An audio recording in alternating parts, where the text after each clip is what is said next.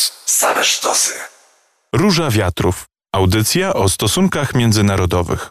Marcin Muniewski przy mikrofonie, a moim i waszym gościem jest pan dr Łukasz Fyderek, specjalista e, do spraw bliskowschodnich z Instytutu Bliskiego i Dalekiego Wschodu Uniwersytetu Jagiellońskiego. Witam serdecznie, panie doktorze. Dzień dobry. Kolejny tydzień masowych protestów w Izraelu od stycznia, praktycznie co tydzień, a nawet częściej. E, setki tysięcy ludzi wychodzą na ulice przeciwko proponowanej przez rząd Benjamina Netanyahu reformie wymiaru sprawiedliwości. Pewną nowością, jeśli chodzi o skalę, jest to, że do tych protestów przyłączają się również żołnierze. E, reforma oczywiście spotyka się także ze zdecydowanym oporem partii opozycyjnych zasiadających w Knesecie. Cóż, panie doktorze, takiego w takim razie powiedzmy naszym e, słuchaczom, przypomnijmy, zakłada mm, ta reforma, te propozycje Netanyahu, że budzą tak e, masowy sprzeciw, można tak chyba powiedzieć, izraelskiego społeczeństwa. Tak, to prawda. Sprzeciw jest masowy i ta reforma Sądu Najwyższego jest bardzo szeroko zakrojona. E, nic dziwnego, że ona budzi sprzeciw. Co prawda w izraelskiej mm, prasie i w mediach pojawiają się porównania z Polską i Węgrami, jeżeli chodzi o zakres naruszania zasady trójpodziału władz, choć trzeba powiedzieć, że e, zakres reformy izraelskiej jest daleko bardziej idący niż e, reform polskiego sądownictwa, e, które też przecież spowodowały niemałe protesty. Więc pokrótce, może najważniejsza, co coś najbardziej budzącego największe emocje i naj, najbardziej z kolei istotnego dla samego Netanyahu, to jest stwierdzenie, że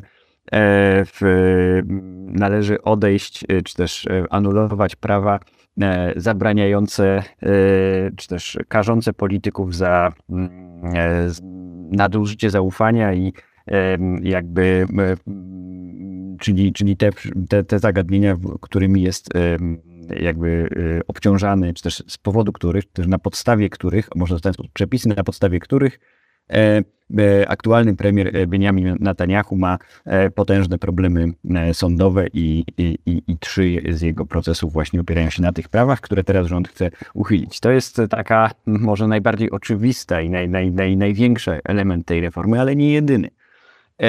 Oprócz tego żeby Sąd Najwyższy mógł wydać wyrok, potrzebne będzie E, bardzo duża większość y, głosów jego sędziów, od 80 do 100%. Z nich będzie musiało zgodzić się, czyli cały skład orzekający musiał, będzie musiał się zgodzić na taki wyrok. To pierwsza kwestia. E, znaczy to druga kwestia. Trzecia kwestia to taka, że Kneset będzie mógł, e, mimo tego, że Sąd Najwyższy orzeknie, że dane prawo jest na przykład niekonstytucyjne, znaczy no, niezgodne z prawem podstawowym Izraela, bo przypomnijmy, że Izrael ma taką konstytucję rozproszoną e, w kilku ustawach o charakterze prawa podstawowego. No więc jeżeli Sąd Najwyższy orzeknie taką niezgodność e, nowo uchwalanego prawa, no to Kneset będzie w stanie to mm, przegłosować e, i wystarczy do tego taka zwykła większość, to znaczy tylko 61 posłów zasiadających w Knesecie, a przypomnijmy, że zasiada ich tam 120, E, wystarczy do tego, żeby mm, e, takie, e, te, taki wyrok Sądu Najwyższego unieważnić. No to jest rzecz jasna bardzo mocno z jednej strony utrudnia pracę Sądowi Najwyższemu, z drugiej strony bardzo łatwo, bardzo osłabia jego rolę w systemie władzy w, w Izraelu. Także te trzy główne punkty z jednej strony E, w, oczywiście daleko idąca bezkarność dla polityków, z drugiej strony bardzo duże utrudnienie pracy e, e, Sądu Najwyższego, z trzeciej strony łatwość w obejściu tego wyroków tego sądu. Aha, i jest jeszcze czwarty wątek, to znaczy oczywiście podobnie z kolei jak w Polsce, kwestia procedur mianowania, mianowania sędziów do Sądu Najwyższego, która ma być no, znacznie bardziej upolityczniona niż do tej pory. Także cztery zagadnienia, z których to najłatwiej sprzedające się, budząc największy, największy mm, największe emocje na ulicach Izraela, no to jest e, owa bezkarność dla e, polityków. No właśnie, panie doktorze, bo Netanyahu oczywiście broni swojej reformy, przekonując, że Sąd Najwyższy, to jest cytat, należy powstrzymać przed nadmiernym wtrącaniem się w politykę, no i stąd jest ten pakiet reform takich uzdrawiających sytuację, to też trochę znamy z naszego podwórka. No ale właśnie, co tak naprawdę motywuje Bibiego, jak nazywają Netanyahu jego zwolennicy? Bo rozumiem, że to tak naprawdę, chociaż to jest niepowiedziane wprost oczywiście, ale tak jak pan trochę już zaczął mówić, chodzi o to, żeby, rozumiem, Netanyahu był bezkarny, żeby y, sąd nie skazał go za korupcję, żeby na przykład też nie trafił do więzienia i nie stracił siłą rzeczy przez to władzy. E, no tak, e, jak najbardziej. E, no tu jest, to znaczy motywacja, motywacja Netanyahu jest tutaj nietrudna do odczytania, tak? Ona jest, ona jest oczywista, ale Netanyahu nie jest tu jedynym aktorem, on stoi na czele koalicji partnerów, w której mamy polityków prawicowych, którzy w przeszłości również mieli problemy z prawem. E, w związku z chociażby nawoływaniem do e, nienawiści. E, no przecież w, w Izraelu znana jest przeszłość chociażby ministra Ben-Gwira, który jako młody działacz był mm, nawoływał do mm, ataków, czy też no, no, no, do ataków przeciwko prezydentowi, premierowi Rabinowi. E, zatem e, to nie tylko Netanyahu, to szersza e, koalicja mhm. stoi za tymi reformami, to po pierwsze. Po drugie, to o czym pan powiedział, wydaje mi się, że jest warte mm, podkreślenia, to znaczy ta populistyczna w gruncie rzeczy motywacja do tego, żeby sprzedawać elektoratowi osłabianie czy też demontaż trójpodziału władzy, jako mm, coś, co jest elementem demokracji per se czyli e, zerwania z e, sytuacją, w której jacyś niedemokratycznie wybrani sędziowie tak naprawdę mają nieproporcjonalnie duży wpływ na e, prawo stanowione w danym państwie. I to rzeczywiście jest ciekawe z punktu widzenia politologii porównawczej, ponieważ ten argument jest bardzo podobny w różnych krajach. My go znamy z Polski, on się pojawiał na Węgrzech, on się pojawia w Izraelu, on się pojawiał na Filipinach i w, i w Turcji. Tak? Więc e, żeby wspomnieć takie e, przykłady z, e, i co ciekawe, pojawia się też w debacie nawet w Stanach Zjednoczonych. Więc kwestia trójpodziału władz dla polityków o takim populistycznym nastawieniu jest uznawana za duże ograniczenie ich mandatu demokratycznego i przedstawiają to jako, jako coś, co ogranicza władzę ludu nad państwem. E, no tymczasem oczywiście należy pamiętać, że mm, zasada e, trójpodziału władz, zasada wzajemnego hamowania e, i ograniczania każdej z trzech rodzajów władz jest no, fundamentem funkcjonującej demokracji w, w mm, znaczeniach, w których demokracji przyznajemy przynajmniej od czasów oświecenia. Więc, więc no to, to tak mm, jakby tytułem komentarza mhm. tutaj uzasadnień premiera Netanyahu. Opór armii, panie doktorze, y, oczywiście no nie jest jakoś supermasowy, ale jednak pojawia się, y, pojawia się. Instytucji, dodajmy, y, jednej z najważniejszych w Izraelu. Y, czy on jest bez precedensu, proszę powiedzieć? Czy tak w historii się już zdarzało, czy to tylko Benjaminowi Netanyahu udało się tak y, spolaryzować społeczeństwo? No, ja przyznam szczerze, nie pamiętam z historii Izraela protestów, które by mm, aż tak szerokie, szerokie kręgi w społeczeństwie obywatelskim za, za, za, zataczały. E, oczywiście izraelskie społeczeństwo y, często, jakby, jakby kwestia protestu, to jest, nie jest niczym nowym w Izraelu, ale tu rzeczywiście mamy bezprecedensowy, taki można powiedzieć, no ponad podziałami przebiegający, e, przebiegające e, porozumienie, czy też koalicję sił, no bo, rzeczy, bo, bo też i y, sytuacja jest bezprecedensowa, ponieważ jest to prawdopodobnie najsilniejszy w historii Izraela zamach na demokrację w tym państwie. E, no to też warto przypomnieć, że o ile w Izraelu było bardzo wiele kwestii dzielących e, społeczeństwo, no, no, one dotyczyły przede wszystkim konfliktu e, czy to arabsko-izraelskiego, czy to palestyńsko-izraelskiego, ale co do zasady, nawet w tych bardzo burzliwych latach 50., 60. i 70., nie było jakby konsensusu do tego, że Izrael ma być państwem demokratycznym, nie był nigdy zagrożony, tak? Natomiast no teraz, y, teraz jest i, i, i stąd zapewne ta, ta szeroka, e, szeroka reakcja. Jeżeli chodzi o wojskowych, no to to jest już y, szczególnie niebezpieczne i temu dał wyraz szef sztabu generalnego Izraela, podkreślając w swojej publicznej wypowiedzi to, że skala tych protestów stanowi zagrożenie dla bezpieczeństwa Izraela. No właśnie, panie doktorze, to przychodzimy do, do, do następnego tego mojego pytania, które chciałem połączyć. Właśnie, czy te protesty mogą w jakiś sposób osłabić potencjał w obliczu chociażby no, Iranu? Cały czas ta groźba nad Izraelem wisi. Pojawiły się takie informacje, że Izrael już, że Iran już tak wzbogacił uran, że jest w bardzo krótkim czasie zdolny do stworzenia bomby atomowej. No a właśnie tu mamy protesty i tutaj, tak jak pan powiedział, szef, szef sztabu armii ostrzega, że y, potencjał operacyjny jest zagrożony. Tak, y, no, y, no w szczególności jeżeli mówimy tu o tym, o, o pilotach, rezerwistach latających, czy też wykonujących misje na samolotach F-15, no to jest jakby kluczowy element systemu odstraszenia Izraela, bo są to samoloty, będą, to jest główny oręż Izraela, który jest w stanie dosięgnąć Iranu. Tak?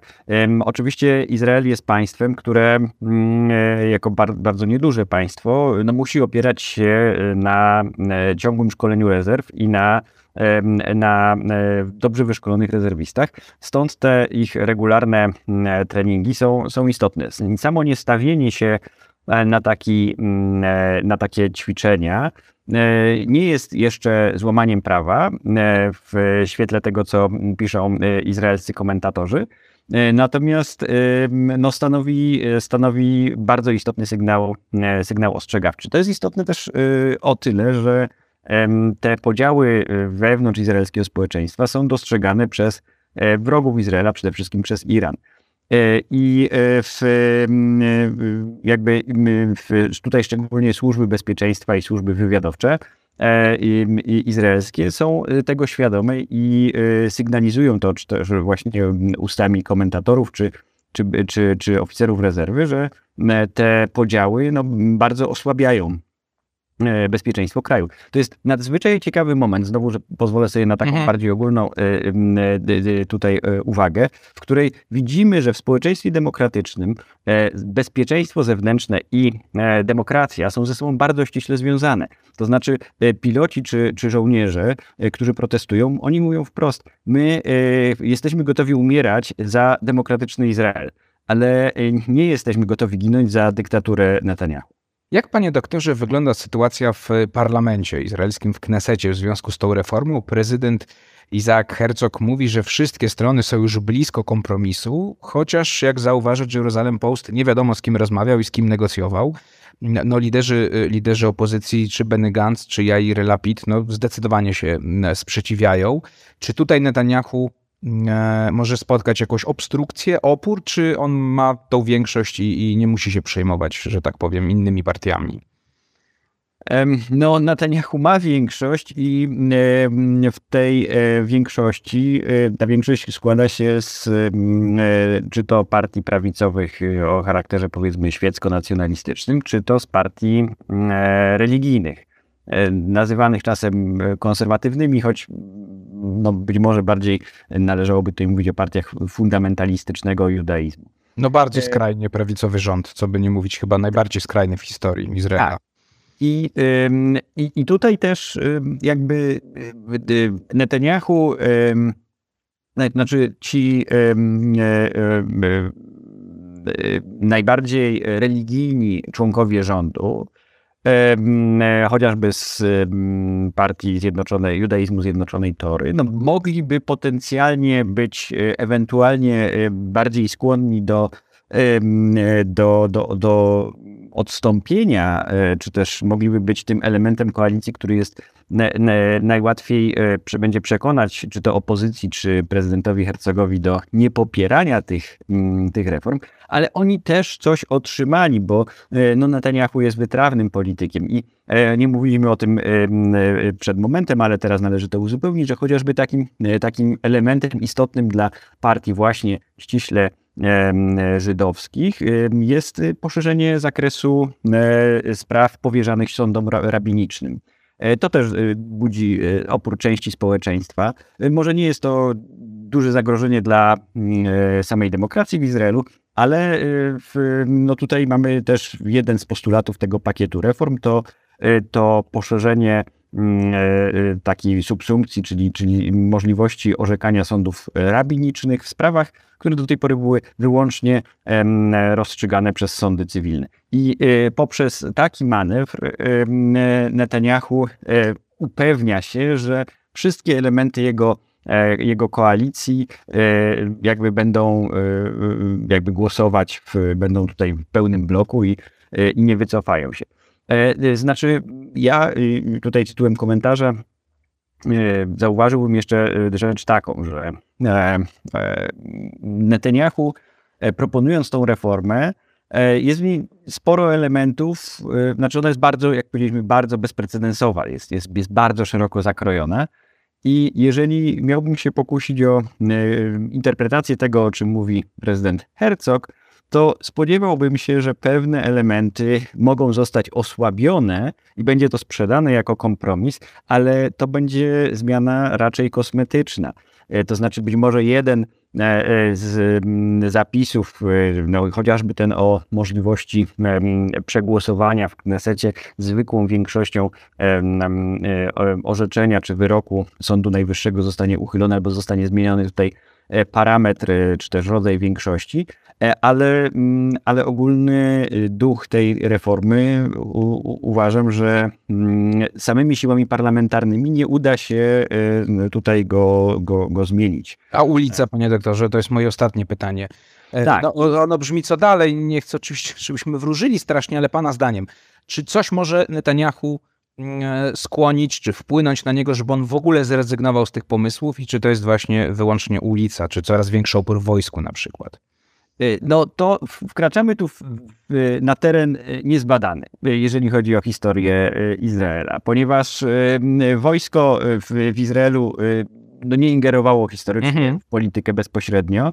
E, I trudno mi sobie wyobrazić scenariusz, w którym e, te wpływy, no oczywiście one nieformalnie są bardzo duże, ale jak one mogą przełożyć się na zmianę e, preferencji polityka, który jest bardzo zdeterminowany, żeby tą reformę, dla którego to jest właściwie być albo nie być, żeby istotne elementy tej reformy zostały wprowadzone, ma za sobą silnie skonsolidowaną swoją własną partię Likud i koalicję, której dodajmy też, której sprzyja ten efekt, bo, o czym nie wspomnieliśmy, ale chociażby na, na, na, napomnieć to należy, czyli też y, kryzysu na zachodnim brzegu, kryzysu związanego z rozwijającą się e, spiralą przemocy pomiędzy osadnikami e, żydowskimi. No tak, bo w cieniu tych protestów, w cieniu tych protestów dochodzi do masakr tak naprawdę. Dochodzi do, do, do, do bezprecedensowego rozwoju przemocy, Y, do masakr nawet, y, możemy takich, takiego, y, takiego pojęcia użyć i to sprawia, że te środowiska skrajnie prawicowe są bardziej skonsolidowane, bardziej gotowe do wspierania, no, do, do pozostania przy władzy. I, i, i, i, tym bardziej scenariusz, którego, który, jest, który do tej pory był najczęstszym scenariuszem w Izraelu, czyli scenariusz rozpadu koalicji, e, na chwilę obecną wydaje mi się, nawet pomimo tej ogromnej presji na ulicach, nie wydaje mi się w krótkim e, terminie e, najbardziej prawdopodobny. I tutaj stawiamy mm, kropkę. Sytuacji oczywiście będziemy się przyglądali. Moim i waszym gościem był dr Łukasz Fyderek, specjalista do spraw bliskowschodnich z Instytutu Bliskiego i Dalekiego Wschodu Uniwersytetu Jagiellońskiego. Bardzo panie doktorze dziękuję za rozmowę. Dziękuję również. To była Róża Wiatrów, ja się nazywam Marcin Uniewski, a my się wyjątkowo nie słyszymy za tydzień, tylko za dwa tygodnie na antenie Radia Campus. Radio Campus. Same sztosy.